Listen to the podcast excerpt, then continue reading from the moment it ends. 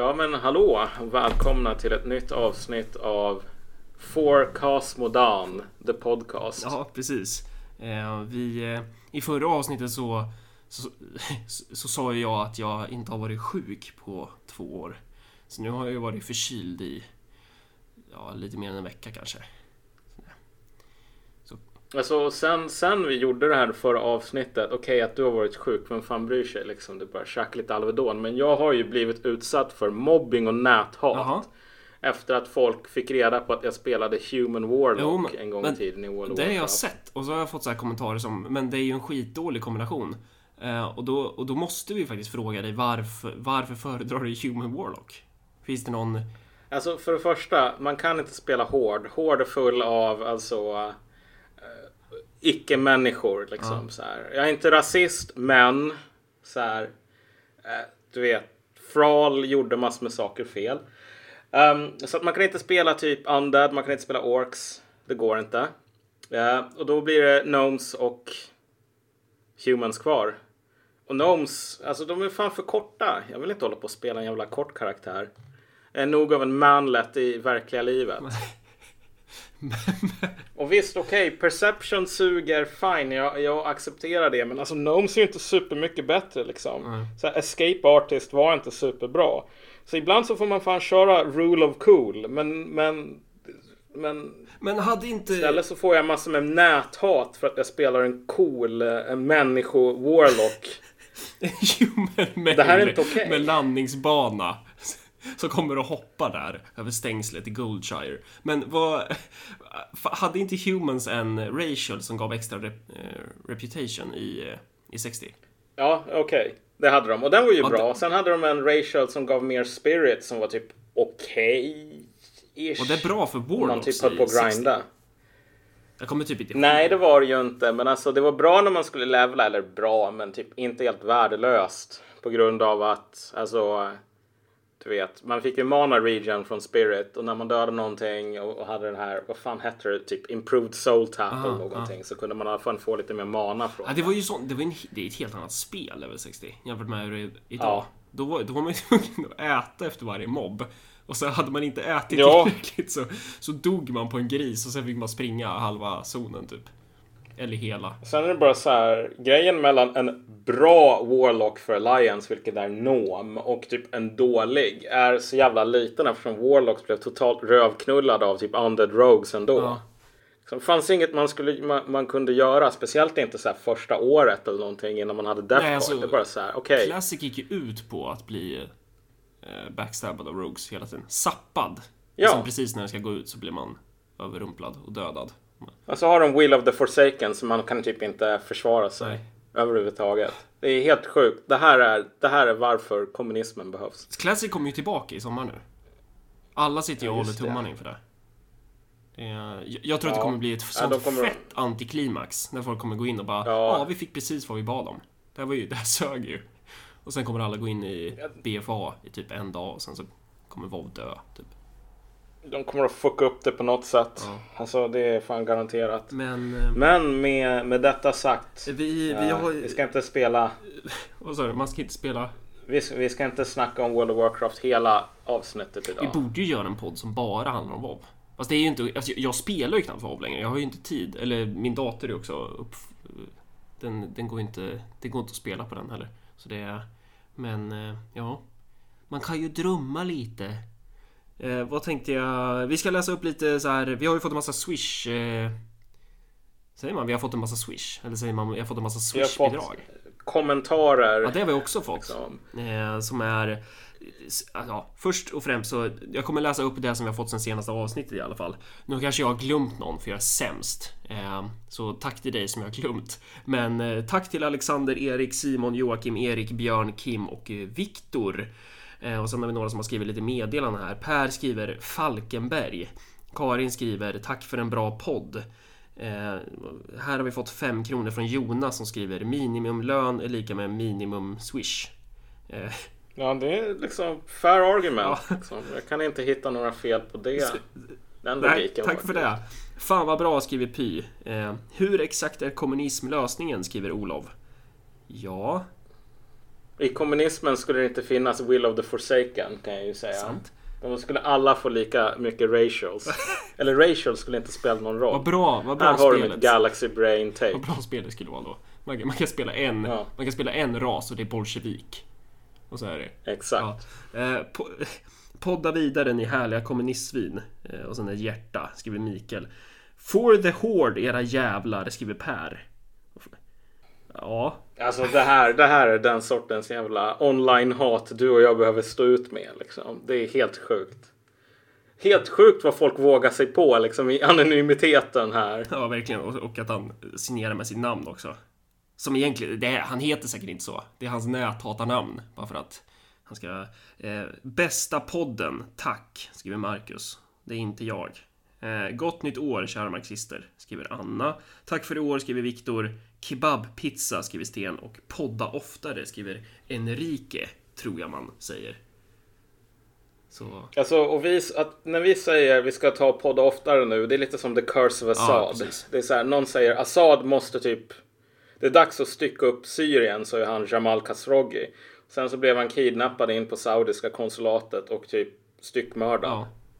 Ja. Eh, så att alltså det, det, är, det är någon hemsk magi här som gör att så fort vi säger det så kommer konspirerar om världen för att få mindre avsnitt. Så vi tänker inte säga att vi ska spela in oftare och så hoppas vi att tvärtom effekten kommer att leda till det ändå. Precis. Um, ja, och nu ska vi prata om no någonting som... uh, det är alltid så spännande när vi ska göra ett avsnitt. För man, man har ju en så här idé om det här ska avsnittet handla om och så prickar man ju typ det. Um, men vi ska väl prata om typ någon form av könsalienation. Är det, en, är det bra arbetsnamn på det? Eller hur skulle du... eh, Ja, ja vi, vi kunde väl säga så här. Nu måste vi prata om ett Sverige där feminismen måste alla erkänna faktiskt ändå har gått för långt. Ja, okej. Eller du vet, du kommer ihåg, det var ju bara så här, ja feminismen har gått för långt. Det var ju lite av en nidbild att säga. Men alltså på ett plan, om man ska vara allvarlig här. För, för sen vi gjorde det här Jordan Peterson avsnittet så har vi velat snacka om det här, den här aspekten som han inte tar upp och som liksom är anledningen till att han är populär. Vilket är att kolla, vi lever inte i ett samhälle där det faktiskt är samma talibaner här som där. Där det finns här patriarkala maktstrukturer och rökiga rum där det sitter massor med old boys och så.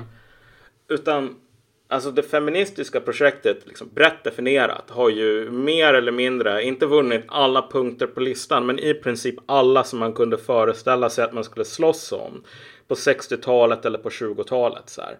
Skriv, skriv en önskelista, så här, random eh, aktivist då, med så här, politiska begär, eh, krav. Ja, och sen så finns det ju såklart, det är väl klart att det fortfarande finns någon form av skevhet mellan könen i, i vissa aspekter. Men i mångt och Ja. mycket så har man ju lyckats med eh, att upprätta alltså jämlikheten som, som norm. I, som Ja, en del exakt. av, av hegemonin. Så. Att det fortfarande finns en skevhet mellan könen är ju mer och mer ett, alltså ett problem, inte en, liksom, en, ett område som liksom skriker efter en lösning utan ett problem i hur ska man förklara det här. Och det är där som människor som Peterson kommer in just på grund av att de säger, ja men vet du vad? Så här, Sverige jämlikt, anledningen till att det finns en skevhet är inte på grund av att det finns patriarker som kontrollerar det här utan du vet, män och kvinnor är olika. Och förr i tiden var det mycket enklare att stå emot sådana argument för man kunde ändå visa på alla de ja men här har vi öppet patriarkala strukturer.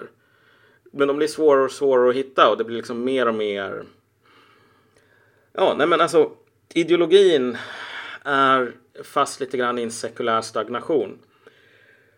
Men det här handlar inte så himla mycket om feminism utan snarare om ett större problem rent historiskt, vilket är att de flesta liksom framgångsrika revolutioner typ ehm, de får det de vill, eller nästan allt det de vill. Men sen så blir det att man vaknar upp med en jävla baksmälla dagen efter och inser att okej, den här anden som gav mig alla mina önskningar.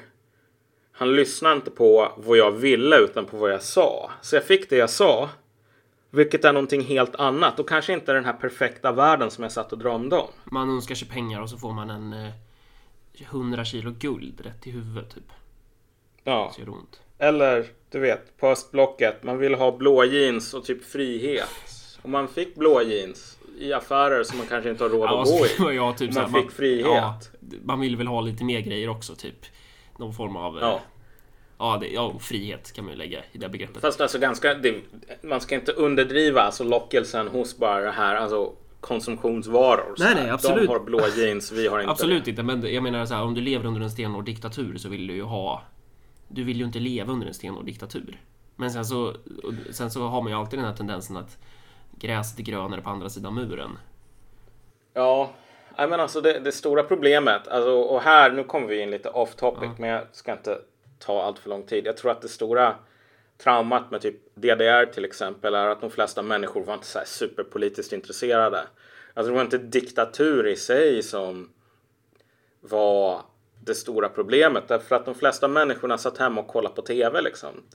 De är intresserade av politik när någonting inte funkar. Jo, jo. Och De är inte så superintresserade av politik i demokratin heller. Ehm, och det här är någonting som liberaler har svårt att hantera. Liksom, att, det är så här, att liberalismen i sig var inte det som var det grönare gräset. Man kan väl uttrycka det som så var- att politiska system är nästan som, eh, som eh, typ den här klyschan om att lagen Lagen ska man bara använda i lägen då man eh, måste. Alltså ja, normaltillståndet är att man inte tillämpar lagar och regler utan man tillämpar typ en, en praxis. Och sen så när, man, när det sker en konflikt eller när det blir någon form av man stannar upp i den här produktionskedjan, det är då man måste gå till lagen för att se hur man ska lösa eh, någonting. Och politiska system är väl lite så också, att så här, man märker av dem när man ja, när man säger något man inte får säga eller liksom när man stöter på ett, ett Ja. hinder. Eh, men det, det är väl det som är det, det lite träliga i diktatur, att du kan ju inte... Ja, diktatur är ju diktatur, det suger ju såklart. Men, eh, men ja, men poängen är i alla fall då att när Sovjet full och hela jävla realsocialismen full så blev det inte guld och gröna skogar för alla. Det blev... De, Nej, alltså de, folk fick exakt det de ville ha. Eller det, det de sa att de ville ha. Men det, du vet, frihet här. Ja. Det var det som man fick. I så stora portioner att man storknade. Men frihet, speciellt för typ Östtyskland, innebär frihet att bli förklarad att alltså, du är inte ekonomiskt användbar. Så här, liksom ruttna bort. Därför att det här är kapitalet som, som har avgjort att alltså, du har ingen jävla rätt att leva. Du, liksom, vad bidrar du med? och, och där Eh, finns ju likheten då någonstans med dagens feminism. Typ att nu har vi uppnått en jämlikhet. eh, I mång, på många områden, eller på, vad, vad ska man säga, på, do- på det dominerande planet. I huvudsak har vi uppnått jämlikhet och då har vi också nått en... mm, Ja, vad ska man säga?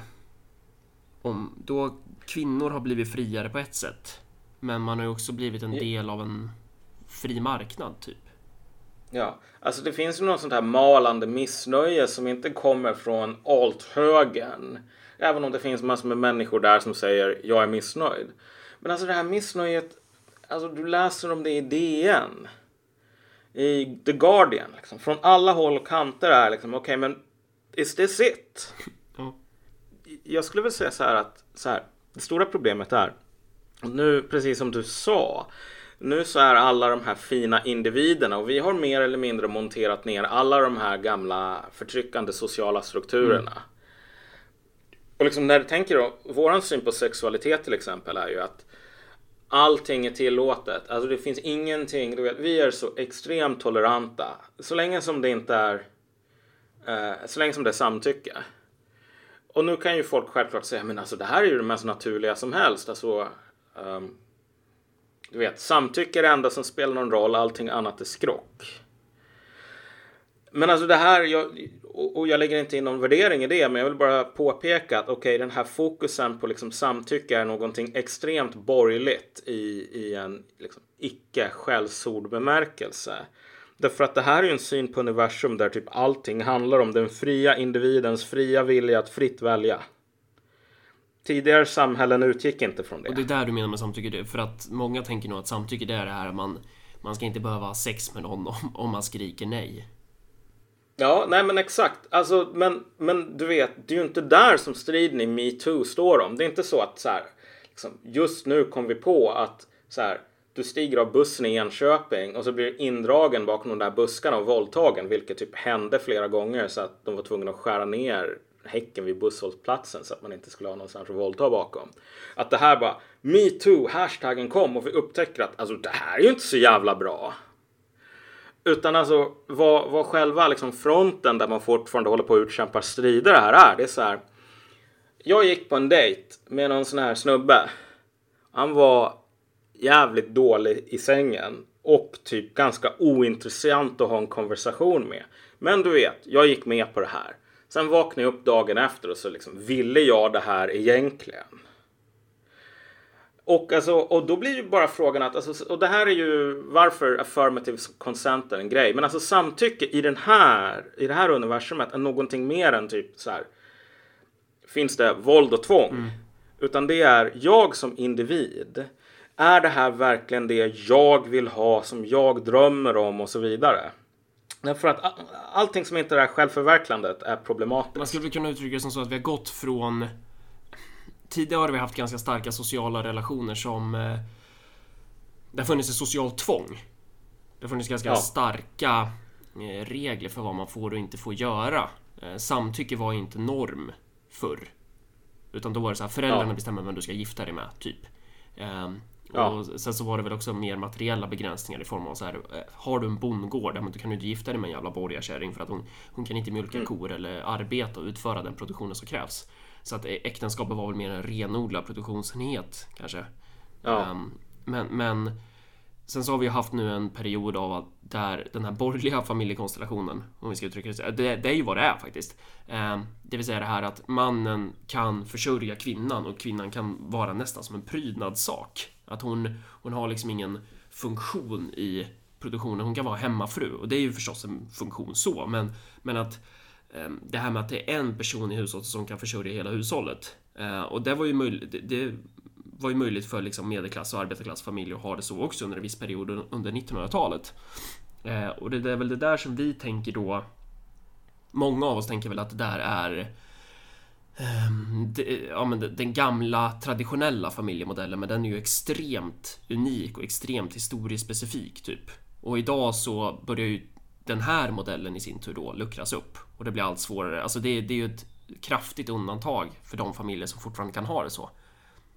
Eh, så, att, så när du pratar om samtycke och det här med individualism så pratar du väl mer Då kanske du inte pratar om just samtycket i sig utan pratar väl mer om tendensen av att man har gått från relationer med starkt socialt tryck till att kunna välja fritt. Det är väl det som är poängen. Ja. Ja, exakt. Alltså det finns två sidor till samtycke. Det finns en sida som är så här liksom totalt hjärndöd. Det, det är inte en kontroversiell position att säga typ att våldtäkt är fel, mm. att tvingat sex är fel. Alltså, om du försöker slåss den striden så kommer du bara slåss mot halmgubbar som typ ruttnade bort för hundra år sedan. För att de är så gamla. Men den andra biten här är ju den här individfokuseringen där alltså allting blir en fråga om självförverkligande. Och där är liksom samtycke tar på sig en mycket bredare bemärkelse därför att du liksom samtycke är någon som extremt central bit i det här självförverkligandet. Alltså, man måste få vara sig själv. Och att det är det som alla relationer ska handla om. Men det här är en extremt borgerlig syn, sätt att se på saker. Och det är väl det som är då konsekvenserna av, om vi ska uttrycka det så, feminismens segrar. Att eh, förändrade sexuella relationer och förändrade eh, premisser eh, för hur vi gör parbildningar.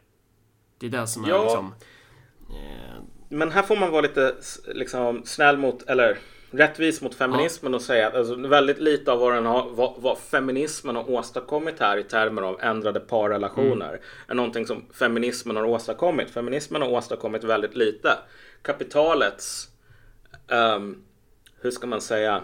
Ja, feminismen har väl varit ett verktyg eller i samklang med kapitalismen kanske. Det är kapitalismen som är det. Ja, Ja, och nu menar jag inte det här bara lilla gumman liksom. Nu måste du läsa Marx, sätta dig ner och förstå hur saker och ting går till. Men det är så här, där feminismen, den sortens feminism som har gått väldigt bra för, eller i alla fall liksom fått igenom sina krav. Det är den sortens feminism som har legat i ungefär den riktningen som kapitalismen vill gå åt. Sen finns det massor med typ queer-feminister och cyborg-feminister och liknande som har väldigt annorlunda idéer om saker och ting. Och de bor i någon sån här kollektiv och typ skriver böcker som läses av tio personer. Uh, det finns inte massor med cyborg-feminism på statsdepartementet därför att alltså, de går åt ett helt annat håll än den strukturomvandlingen i samhället som pådrivs av kapitalismen. Dess förändrade sociala relationer. Så man har gjort väldigt mycket av en dygd av nödvändigheten. Um, att man har ställt sig framför den här processen och kallat det här en, en, en liksom, kolla vad vi har gjort ungefär. Och visst, man har varit med och man har styrt och man har hjälpt till, men alltså. Ja, men det har funnits materiella möjligheter för att göra det ja, också. Exakt. Um, och hur ska man? Uh, ja. Men, men, men, men nu blev det här lite av en tangent ja. som, som, som bröt av den röda tråden. Men dit vi vill återkomma till är ju så här att idag så finns det en växande så att säga det finns ju fler och fler saker som liksom inte fungerar i vårt samhälle om vi säger så.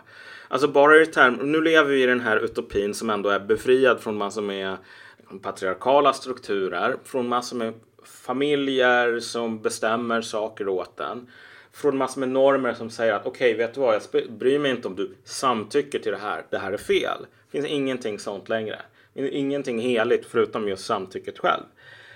Ehm, men det här samsas med en, ett samhälle där folk har mindre och mindre sex.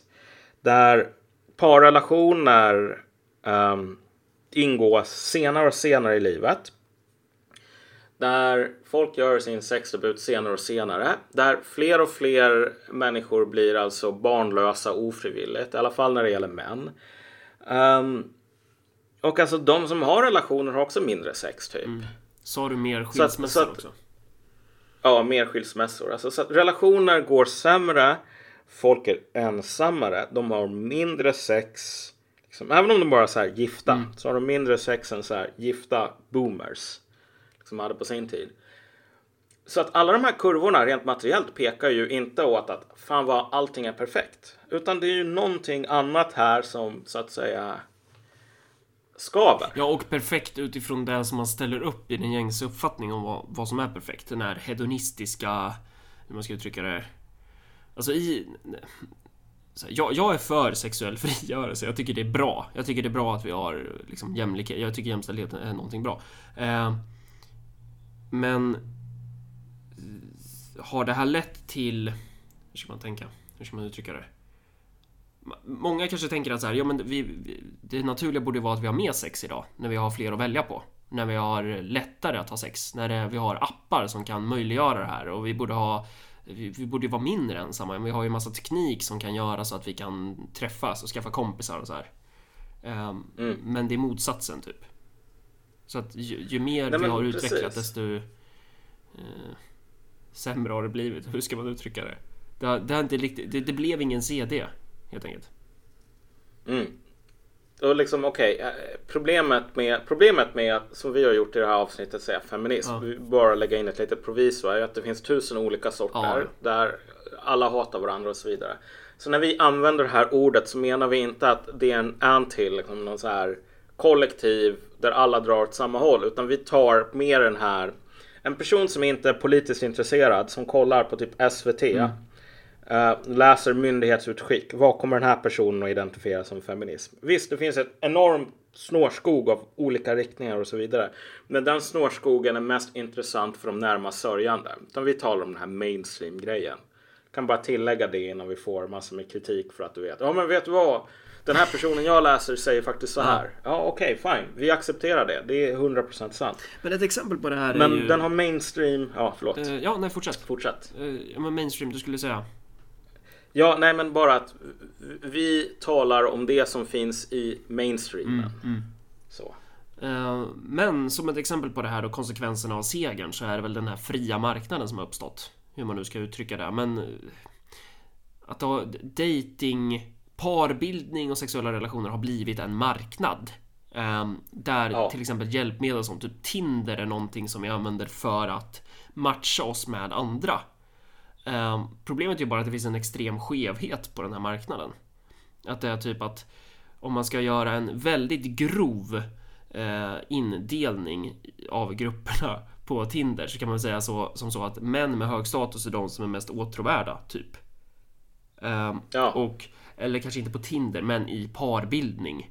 Att typ i princip samtliga kvinnor eftersöker en man med hög status. Eh, där status i sin del borde dissekeras och man borde diskutera så här, men vad, vad innebär status? Och någonting som är väldigt mycket hög status idag, det är ju inkomst. Eh, mm. Och sen så har vi ju också kvinnor med hög status. Och det har vi ju berört lite tidigare, men att kvinnor med hög status har ju, har ju jäkligt svårt för att hitta en partner. Um, mm. Det är inte så många män som vill ha en kvinna med hög status. Uh, och där kan man ju också prata om så här, ja men eh, är det... Jag menar, det är ju något skevt. Det, det, är ju ett jämställdhetsproblem kanske, eller? Hur ska man uttrycka det? det varför vill män inte ha en kvinna med hög status? Eh, men, men hur som helst. Sen har vi också kvinnor med låg status eh, och de vill ju ha kvinnor med... Fan vad det här blir segt. Eh, hur som helst, män med låg status i alla fall, det är de som är minst eftertraktade. Det är typ ingen som vill ha en man med låg status. Ja. Eh, män med hög status vill hellre ha en kvinna med låg status och sådär. Så det är liksom, om man ska rita upp en jävla tabell så är det massa pilar och det, det, det finns ingen harmoni här utan det är som, som en fri marknad brukar vara. Att så här, the winner takes it all.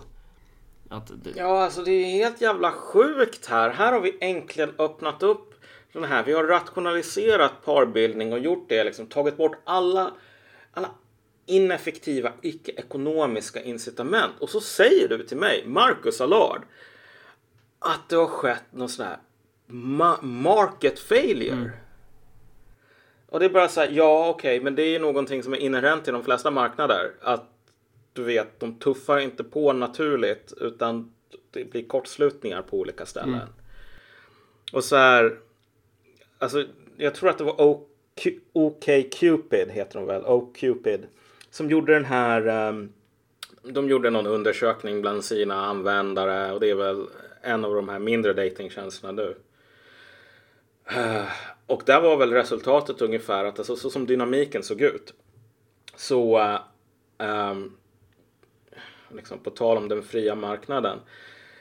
Uh, men ungefär 80% av männen då Liksom. När, när det gäller matchningar och liksom vem som har chans på vem och vem som jagar efter vilket segment. 80% av männen jagade, över, jagade efter de 20% av kvinnorna som låg på botten. 80% av kvinnorna jagade efter de 20% av um, männen som var på toppen. Låt mig använda min Galaxy Brain för att um, dra en slutsats här. Mm liksom, vad det här innebär. Det är att det är jättemånga människor som går ensamma. Därför att så här, någonting är fel i den här kalkylen. Mm. Så här, om vi antar att det är lika många män och kvinnor på de här eh, tjänsterna, vilket vi inte egentligen borde anta, men bara för argumentets skull. Så här, var, för varje kvinna i det segmentet som hon är intresserad av, liksom, eller för varje man som är liksom återvärd för en kvinna, så finns det liksom fyra kvinnor på varje man och för varje sån här kvinna som är eh, tillgänglig för folk som inte är så kallade chads går det fyra män på varje kvinna. Vilket betyder att så, här, så som konkurrensen ser ut så kommer de flesta att bli ensamma.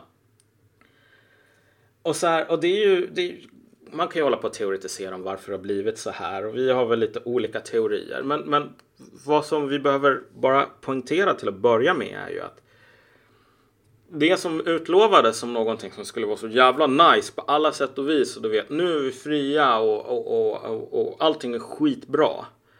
Därför att valfrihet, valfrihet, valfrihet, självförverkligande och liksom samtycket är det enda som spelar någon roll här.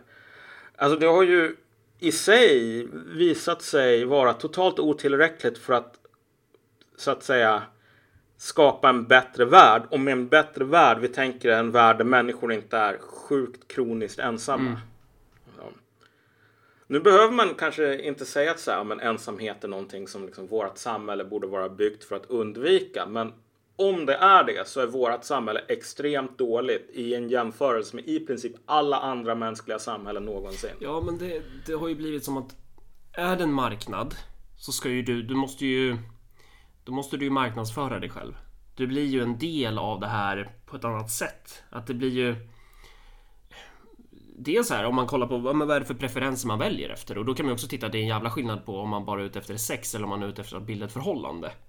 Uh, ja. Men inkomst är ju någonting som är, det ses ju som attraktivt. Det är ju kodat rent socialt hos oss att så här, det är attraktivt för det är associerat med hög status idag. Eh, och det är ju det är också en trygghet i att hitta en partner med hög inkomst. Eh, men vad skulle jag säga? Sen har du ju en massa andra så stats som typ längd, eh, hårfärg. Bara så här, är personen snygg? Har personen, vad är det för ögonfärg? Eh, hur är personen i, i sitt sätt att vara? Som gör att man hela tiden har en massa möjligheter att jämföra med andra aktörer på den här marknaden, vilket gör att man, man kommer ju aldrig på något sätt eh, stanna.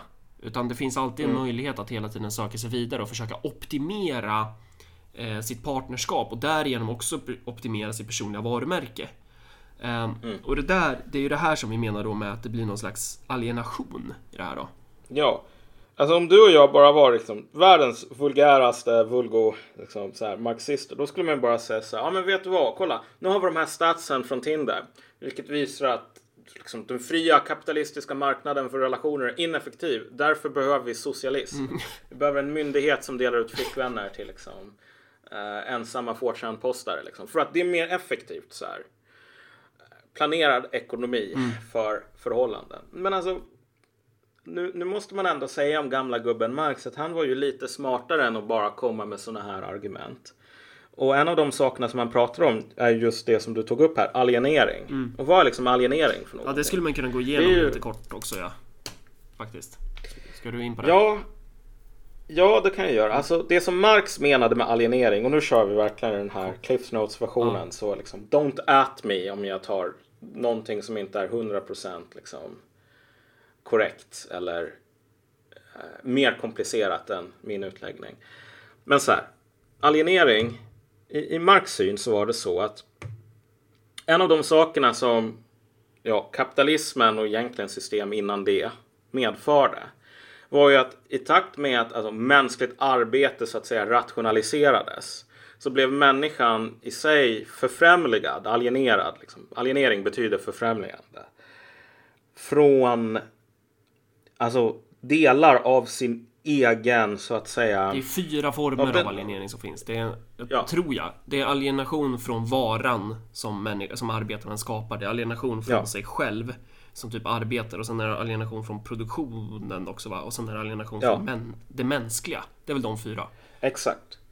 Och precis. Och, och, och förfrämligandet ligger här i att saker som tidigare vi såg som delar av oss själva mm. och som kunde på ett väldigt naturligt plan identifierar som delar av oss själva blir så att säga fråntagna oss och så kommer de tillbaks i liksom främmande former. Mm. Varan blir inte någonting som man skapar. Ehm, kan, och som man vet man, hur den har skapats. Man kan ju jämföra med om man bygger hus i The Sims. Det är ju mm. det är jävligt roligt att bygga ett hus i The Sims. hålla på med. Eller bygga en karaktär i WoW eller vad det nu kan vara.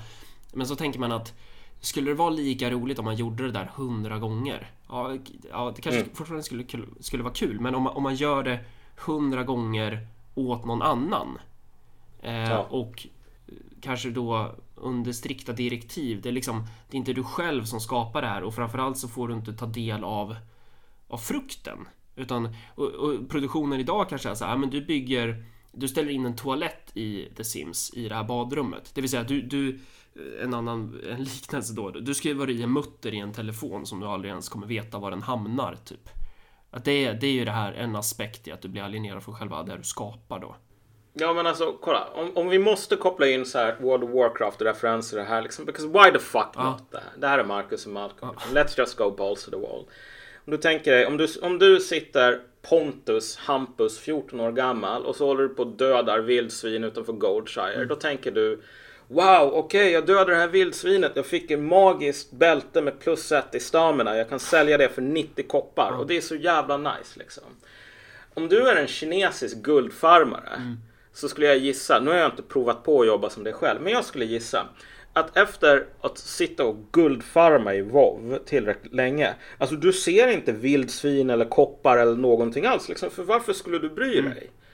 Du behöver bara göra saker som egentligen bara är abstrakta trycka på knappar. Liksom. Reagera på ljud och trycka på andra knappar. Och det enda som du kommer att se det är de här ljuden och knapparna och liksom lite symboler på skärmen som flyter förbi. Du har ingen koppling till det här.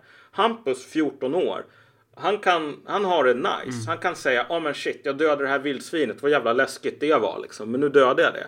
Du har inte tid med det här. Därför att du är en del av en industrialiserad process och hålla på att döda vildsvin. Så att du kan inte hålla på och bry dig om det här. Och din lön är, är som bekant då alltså en, en kopp med ris och en spark på pungen. Det är det du får om du är ja, kinesisk guldfarmare typ. Och jag menar, det, det, egentligen. Alltså, det riktiga problemet här med Tinder det är inte att det finns en massa mer kysslösa liksom, snubbar ute på Fortran. Även om det faktiskt är ett problem skulle jag säga. Utan det stora problemet är just att den här Alltså hela sättet som vi tänker på parbildning och alla de, alltså de verktygen som vi använder är sjukt alienerande skulle jag säga i sig själva. Om du tänker dig på början av 1900-talet så hade du ju den här konflikten mellan arbetsgivare och alltså arbetare som så att säga triggades igång och som verkligen handlade just om försöken att göra jobbet mer alienerande. Nu var, alienationen var inte poängen, men det var liksom den ofrånkomliga effekten. För att det, det fanns en fad då, en riktigt ny cool grej från USA som alla skulle hålla på med, vilket var tidsstudier. Så tidigare om du hade så här folk som jobbade på att göra skor. Ja. Uh, då som ägare av en skofabrik så du brydde dig inte så här supermycket om vad arbetarna gjorde. Alltså alla de här praktiska momenten. Utan du sa okej, okay, jag går härifrån på lunch. Nu ska ni ha gjort 100 skor tills jag kommer tillbaks. Mm.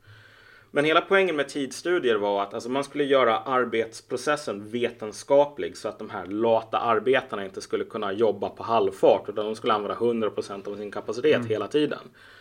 Och därför så mätte man, alltså man, man skulle liksom, man ska göra skor. Man mätte varje rörelse i centimeter och sekunder som krävdes för att sätta ihop den här skojäveln. Och så sa man, okej, okay, en sko tar 12,9 sekunder att sätta ihop i det här momentet.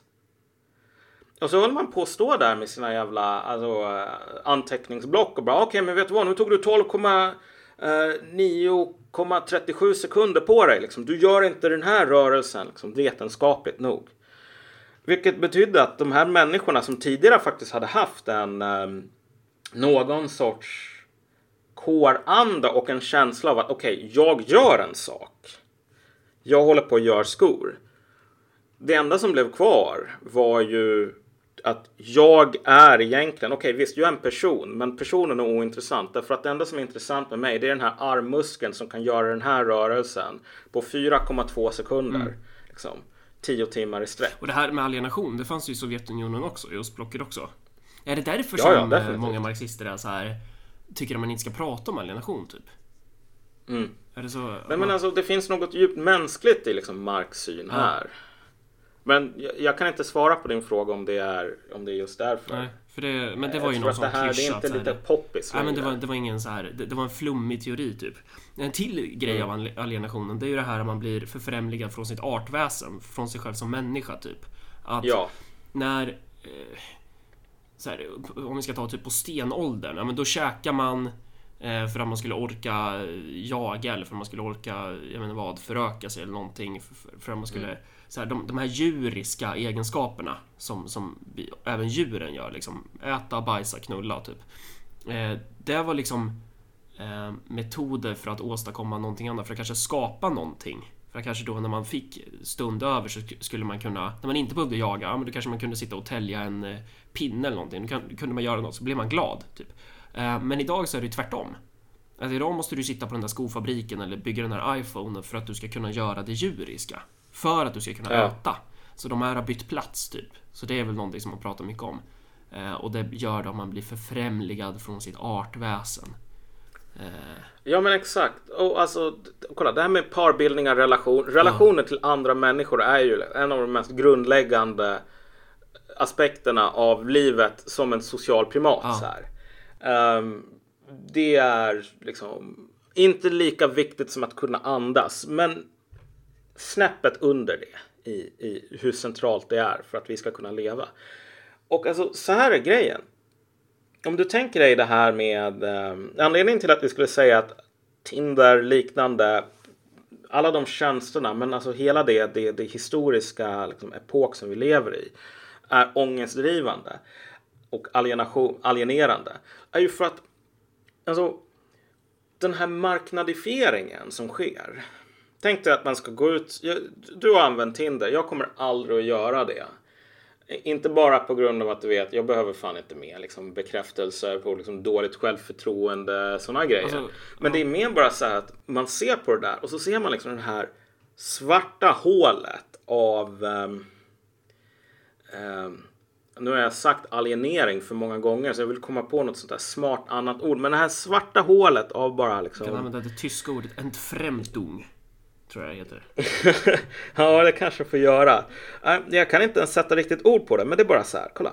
Hela den här processen med att försöka göra sig själv till en produkt. Ja. Är någonting som, och där kanske jag bara är galen som säger, men jag tycker att det, det ligger någonting alltså, så här, motbjudande i det. Alltså jag hoppas aldrig mina Tinder-upplevelser läcker ut. För det var jag, jag skaffade ju Tinder när jag gjorde slut med mitt ex.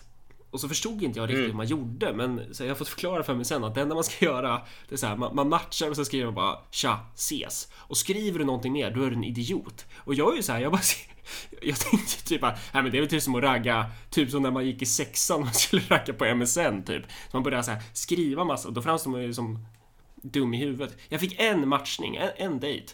Och jag, jag är ihop med henne fortfarande. Så det så gick det med Tinder. Det.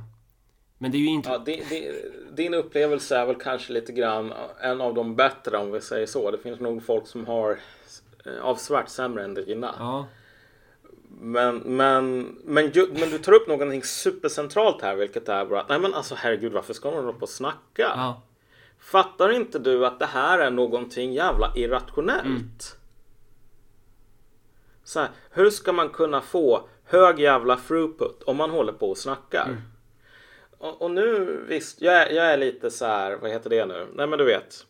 Jag, jag, kör på eh, lite för hög växel på den här poängen. Men, men jag är sardonisk här för att jag vill visa på någonting. Att det är inbyggt i, i någonting här. Alltså att den sortens tankesätt. Det är inte bara att människor har kommit på någon dag att, oh, men vet du vad, det är bara liksom det är bara dumt i huvudet att hålla på och prata.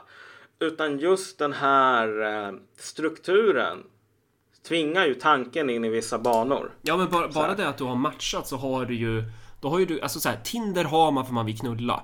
Eh, det, det, är ju det en datingapp är till för i, i princip. Men ja, det är ju inte alla som vill ha nej, det. Men, och men det där är ju någonting är som skiljer sig mellan män och kvinnor. Ja, jo så kanske också. Och sen skiljer det sig väl mellan olika länder. Men i Sverige så är den gängse uppfattningen just Tinder är en sån app typ.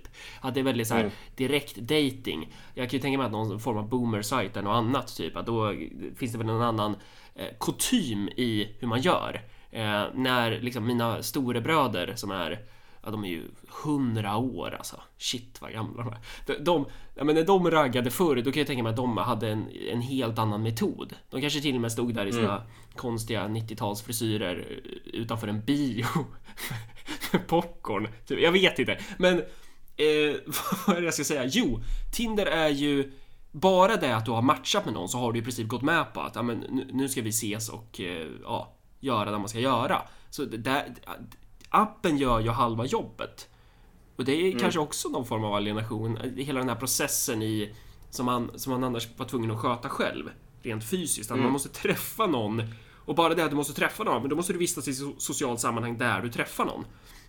Mm. Eh, jag och Jossan är väldigt olika ja. som personer. Jag tror inte vi hade träffats om inte vi hade matchat på Tinder. Jag tror att så här, mm. ja. Det, det är ju ett annat universum typ. Och sen är det också så här, jag menar jag kan ta ett konkret exempel faktiskt på så att det inte bara att vi håller på och säger jo men det är så här. Ja. Och så bara, vad menar de? Alltså, um, jag, jag, träffade en person efter någon föreläsning. Och vi pratade lite grann om, liksom, han hade ju använt Tinder och andra så här dating Ja. Och han sa ju bara att okej, okay, i Sverige, det var ju inte så här superkul. Därför att även någon som ser liksom, snäppet över genomsnittet bra ut liksom har utbildning och sådär. Du är fortfarande, om du är liksom topp 60 procent när statistiken är, du vet, bottom 80 procent är liksom förlorarna. Så det gör ju inte mycket stor skillnad. Så att alltså för honom det var bara så här, ja, sitta där, swipa, swipa, swipa som en jävla kinesisk gold farmer. Fast liksom matchningar istället för guld som man ska sälja vidare. Och sen då och då så får du, hittar du liksom matchning. Och det var inte kul för självförtroendet. Sen så av olika anledningar så bodde han i Turkiet. Och då använde han den här appen också. Och det var som natt och dag. Därför att i Turkiet så hade han helt plötsligt liksom socialt ekonomiskt kapital som gjorde honom till liksom topp 10 procent. Mm. Han stack ut där då. Och det var liksom ja, matchningar till höger och fucking vänster. Så här, bara det liksom trillade in. Och det roliga var ju så här att det vore en sak liksom, med vårt samhälle idag om man kunde säga så här. Ja, vet du vad? En gång i tiden så var jag en förlorare i det här systemet, men sen så hade jag oddsen på min sida. Då blev jag en av de här som tjänar på det och det var så jävla nice. Ja, okej, okay, okej. Okay. Ojämlikt system, vinnare och förlorare, whatever. Men det var inte det som var problemet här. Problemet var ännu värre. Och det var så här att upplevelsen av att ha alla dessa matchningar var alltså sjukt desorienterande.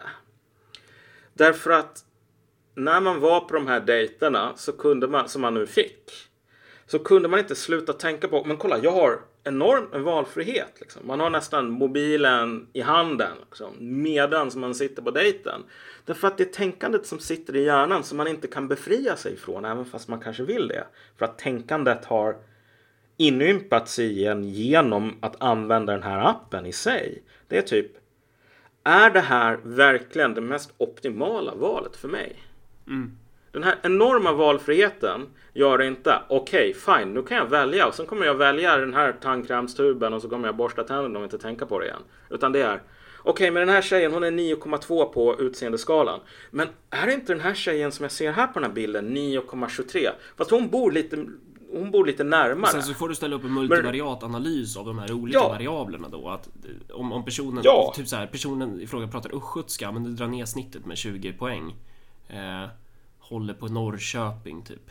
Massa olika grejer här, som inte bara har med utseende. Grejen, ja. Och det, det, det är liksom the true horror, liksom. det, det, den riktiga skräcken här. Det är inte att okej, okay, du vet vad, det finns den här möjligheten valfritt mm. för den som väljer det och ställa upp den här multivariabla tabellen liksom här, för att man är autist. Mm. Utan att de flesta människor vill inte det, men det här är inte tänkande som det finns en av och på-knapp. Det är det som alienation verkligen är. Du sitter där och så ska du försöka ha en relation med en annan människa. En annan individ. Ett annat subjekt. Och du kan inte stänga av det här tänkandet som bara är, men vet du vad, är det här så här ekonomiskt, socialt, rationellt? Så här? Vad är kalkylen, nitto, nytta, liksom pareto-optimalitet? Mm. Så här. Alltså, något så centralt som så här, parbildning blir äh, äh, fråntas någon sån här mänsklighet och blir bara någonting som du vet, vi behöver ha en AI som kan klura ut det här för att det är mer effektivt. Och argumentet emot det där är ju, så där har det alltid varit. Eh, och någonstans så, vi, vi, människan eftersträvar väl alltid en status i sin parbildning. Det är, väl, det är väl typ ändå biologiskt betingat kan jag tänka mig, att man vill ha en partner som är liksom att det ska vara en bra partner. Sen så skiljer sig väl den här statusen och olika utseendeattribut skiljer sig ju extremt mycket under olika historiska perioder under olika produktionssystem typ. I Västafrika, men då är det ju väldigt fint att ha en fet fru. Eh, mm. att, för det in, tror jag. Eh, jag. jag. fick det intrycket när jag var i Bamako. Eh, och, och sen tror jag folk sa det till mig. Men, men, men det betyder ju då att ja, men du är rik. Det är ett tecken på att du, du kan göda upp din fru liksom. På, ja. Under stenåldern så var det väl också attraktivt att ha feta kvinnor för jag menar vad fan det, det var ett helvete att få mat typ. Så hade du en fet kvinna, men då hade hon större chanser att överleva under graviditeten och under förlossningen. Uh, och idag så är det, men då är det attraktivt att ha, jag vet inte vad, uh, botox eller något annat. Så, så, alla de här grejerna har ju materiella grunder. Mm. Uh, vad var det jag skulle säga? Jo, så argumentet emot det här är ju att att det här med Tinder och det här vi snackar om, det är egentligen, det är egentligen bara biologi i grunden. Och att de här sociala betingelserna spelar ganska liten roll. Men vi menar ju på att nej, de här sociala betingelserna spelar ganska stor roll. Alltså, jag skulle väl säga så här att alltså det argumentet är sant. Mm. Och att, att det är sant är det som bevisar det vi vill ha sagt. Ja. Gjorde de inte något experiment med typ råttor där de kopplade in någon sån här, um, någon sån här ehm, så att man, det fanns i alla fall så att de här råttorna kunde trycka på en elektrisk, eller på en knapp. Och så det här njutningscentrat i råttans hjärna stimulerades av det. Ja. Så att liksom, du kunde trycka på en knapp för att må bra. Och grejen är att det som de här råttorna gjorde, det var att stå och trycka på den här knappen 24-7 tills de dog av uttorkning och utmattning. Fan. Och alltså visst att det finns de här impulserna, du vet statusjakt, allting sådant. Och liksom, det är inte så att vi kan välja på om de ska finnas eller inte. Och man kan väl också säga till deras försvar att det finns ibland så här ganska praktiska anledningar till att de finns. Men vad vi har idag, det är inte det här centrat i hjärnan. Vad vi har är den här jävla elektriska tråden som går rakt in i det. Och det är det som är det nya på något Alltså ba, bara liksom att matcha på Tinder var ju någonting som gjorde mig väldigt glad när jag fick en match. För det var ju så här, det var ju en det var ju direkt belöning. Det är som att dinga i WoW typ. Man blir skitglad. Alltså, så egentligen, jag skulle ju kunna ha matchat med bara porrbottar. Jag hade varit jättelycklig bara de inte berättar att de är porrbottar. För då får jag någon form av bekräftelse och mår bra. Ehm, Så det är ju, där är ju dopamin så. Men så vi har gått från ett läge typ där det här naturliga dopaminet kanske man ska säga har blivit typ Tinder är heroin. Så. Mm. Hur ska man kunna förklara Jo, den liknelsen bättre? Men eh, att det är det här naturliga i att jaga en partner med hög status och att känna sig nöjd. Kanske alltid har funnits typ någon variant att man vill så här. Man vill optimera typ. Även på medeltiden vill man optimera sin livssituation och sitt förhållande kanske. Utifrån de få eh, parametrar man hade tillgängliga utifrån de få förutsättningar man hade. Men idag så har man allt det här på schack. Allt det här fast tusen gånger mer. Typ. Det är det jag menar med att, att vi, vi har gått från dopamin till heroin. Typ. Exakt, jo, och jag håller med. Och återigen, alltså det som gör att det här systemet, jag tycker att det är värt att kritisera det. Ja. Är inte nöd, är liksom inte att säga, ja men vet du vad, förlorarna mår dåligt. Utan det är att det är ganska svårt att hitta vinnare som, som, som faktiskt säger, vet du vad, det här systemet är skitbra typ. Alltså, nu har jag inte återigen gjort någon sån här vetenskaplig studie av det här. Men alltså, det finns massor med negativa. Om du är en av de här topp 20 männen så, eh, som så här alla jagar efter. eh, Rent anekdotiskt så eh, är det väl jävligt många av dem som är jävligt cyniska. Ja men du blir ju en jävla trapp. Ja. Alltså du blir... Du, och det här är det. det, ja. precis. Mm. Nej men nu sa du någonting extremt viktigt. Ja. Alltså man blir en attrapp. Det är ju deras upplevelse. Ja. Och jag menar så här. ehm, vad, vad de står inför. Alltså visst, man kan ju hålla på och knulla runt och ha kul och allting sånt där. Men jag tror att det finns en naggande misstanke ofta och som är extremt jävla befogad. De är inte dumma människor som börjar misstänka det här. Det är att typ den här personen som matchar med mig och ser min bild och ser, du vet, ja, vad jag har skrivit typ. Den är inte egentligen attraherad av mig. Alltså, jag, personen, är så jävla irrelevant. Precis som den här gamla skomakaren är totalt irrelevant. Det, det enda som behövs på den här skomakaren efter de här tidsstudierna det är fucking armmuskler som rör sig 40 grader åt den riktningen under 1,2 sekunder så här. Om och om igen. Och det enda som behövs för den här högstatusmannen det är att han ska kunna vara en person som man kan ta fucking selfies med och lägga ut på Instagram. Kolla på mig, nu har jag den här perfekta mannen. Um, och det i sig är nog extremt alienerande. Därför att det här är ju egentligen inte en så superny kritik. Nej. Um, Zizek till exempel har ju varit, och hans polare Badieu har ju talat om det här. Att fler och fler människor Är det Bad, idag... Badieu eller Bourdieu? Jag tror att det är Badieu. Ja, okej. Um, Ja. ja, skitsamma. men men de, de, de har i alla fall talat om det här med att Alltså folk är mindre och mindre intresserade av, alltså, för det första, kärlek. Ja. Jag vet att Badiou har talat om det ganska mycket. Att så här, kärlek upplevs som någonting lite så här. Mm, ja, nej. Kan man inte ha ett rationellt sätt att bilda par på och bara skippa den biten? Mm. Därför att du vet, kärlek är för mycket typ. Det är så här, du vet, att vara kär är ju att vara kär i en annan person. Mm. Ett annat subjekt. Och andra personer är liksom, du vet, outforskade kartor. Det finns massor med goda sidor, det finns massor med onda sidor, fula saker, fina saker. Så här. Mm. De är människor. Men att älska någon, det är att bara acceptera allt det där. Ja. Liksom. Radikal osäkerhet på ett plan. Men så här, du vet, med attrapper.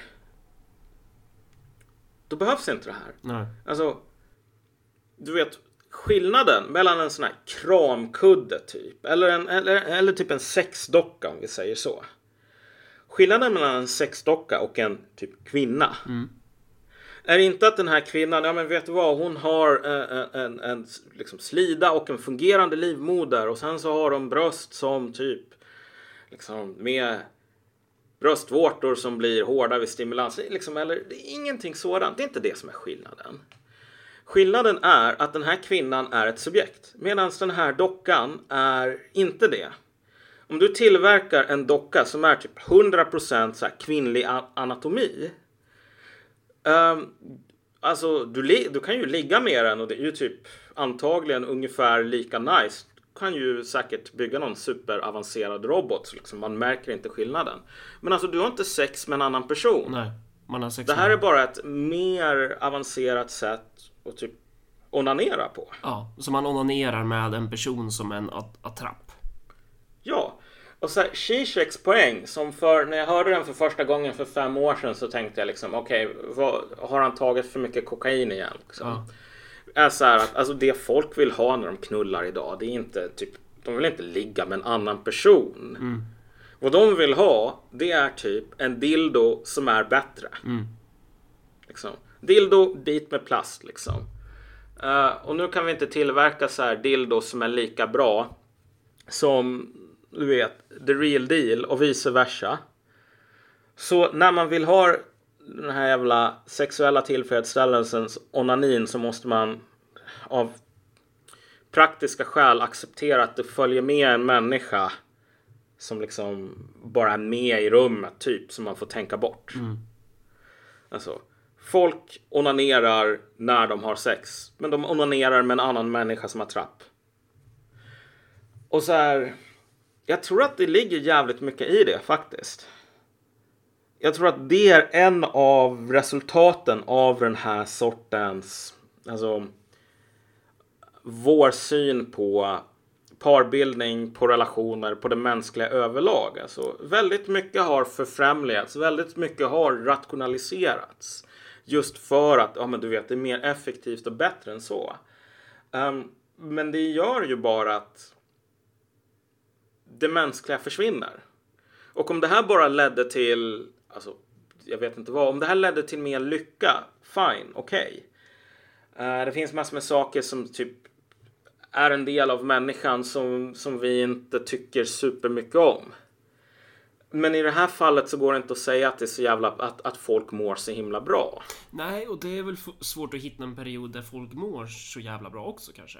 Eller men det är väl klart man kanske kan jämföra och sådär, men men det finns ju absolut baksidor av det här förlovade lyckoriket som det ibland målas ut som.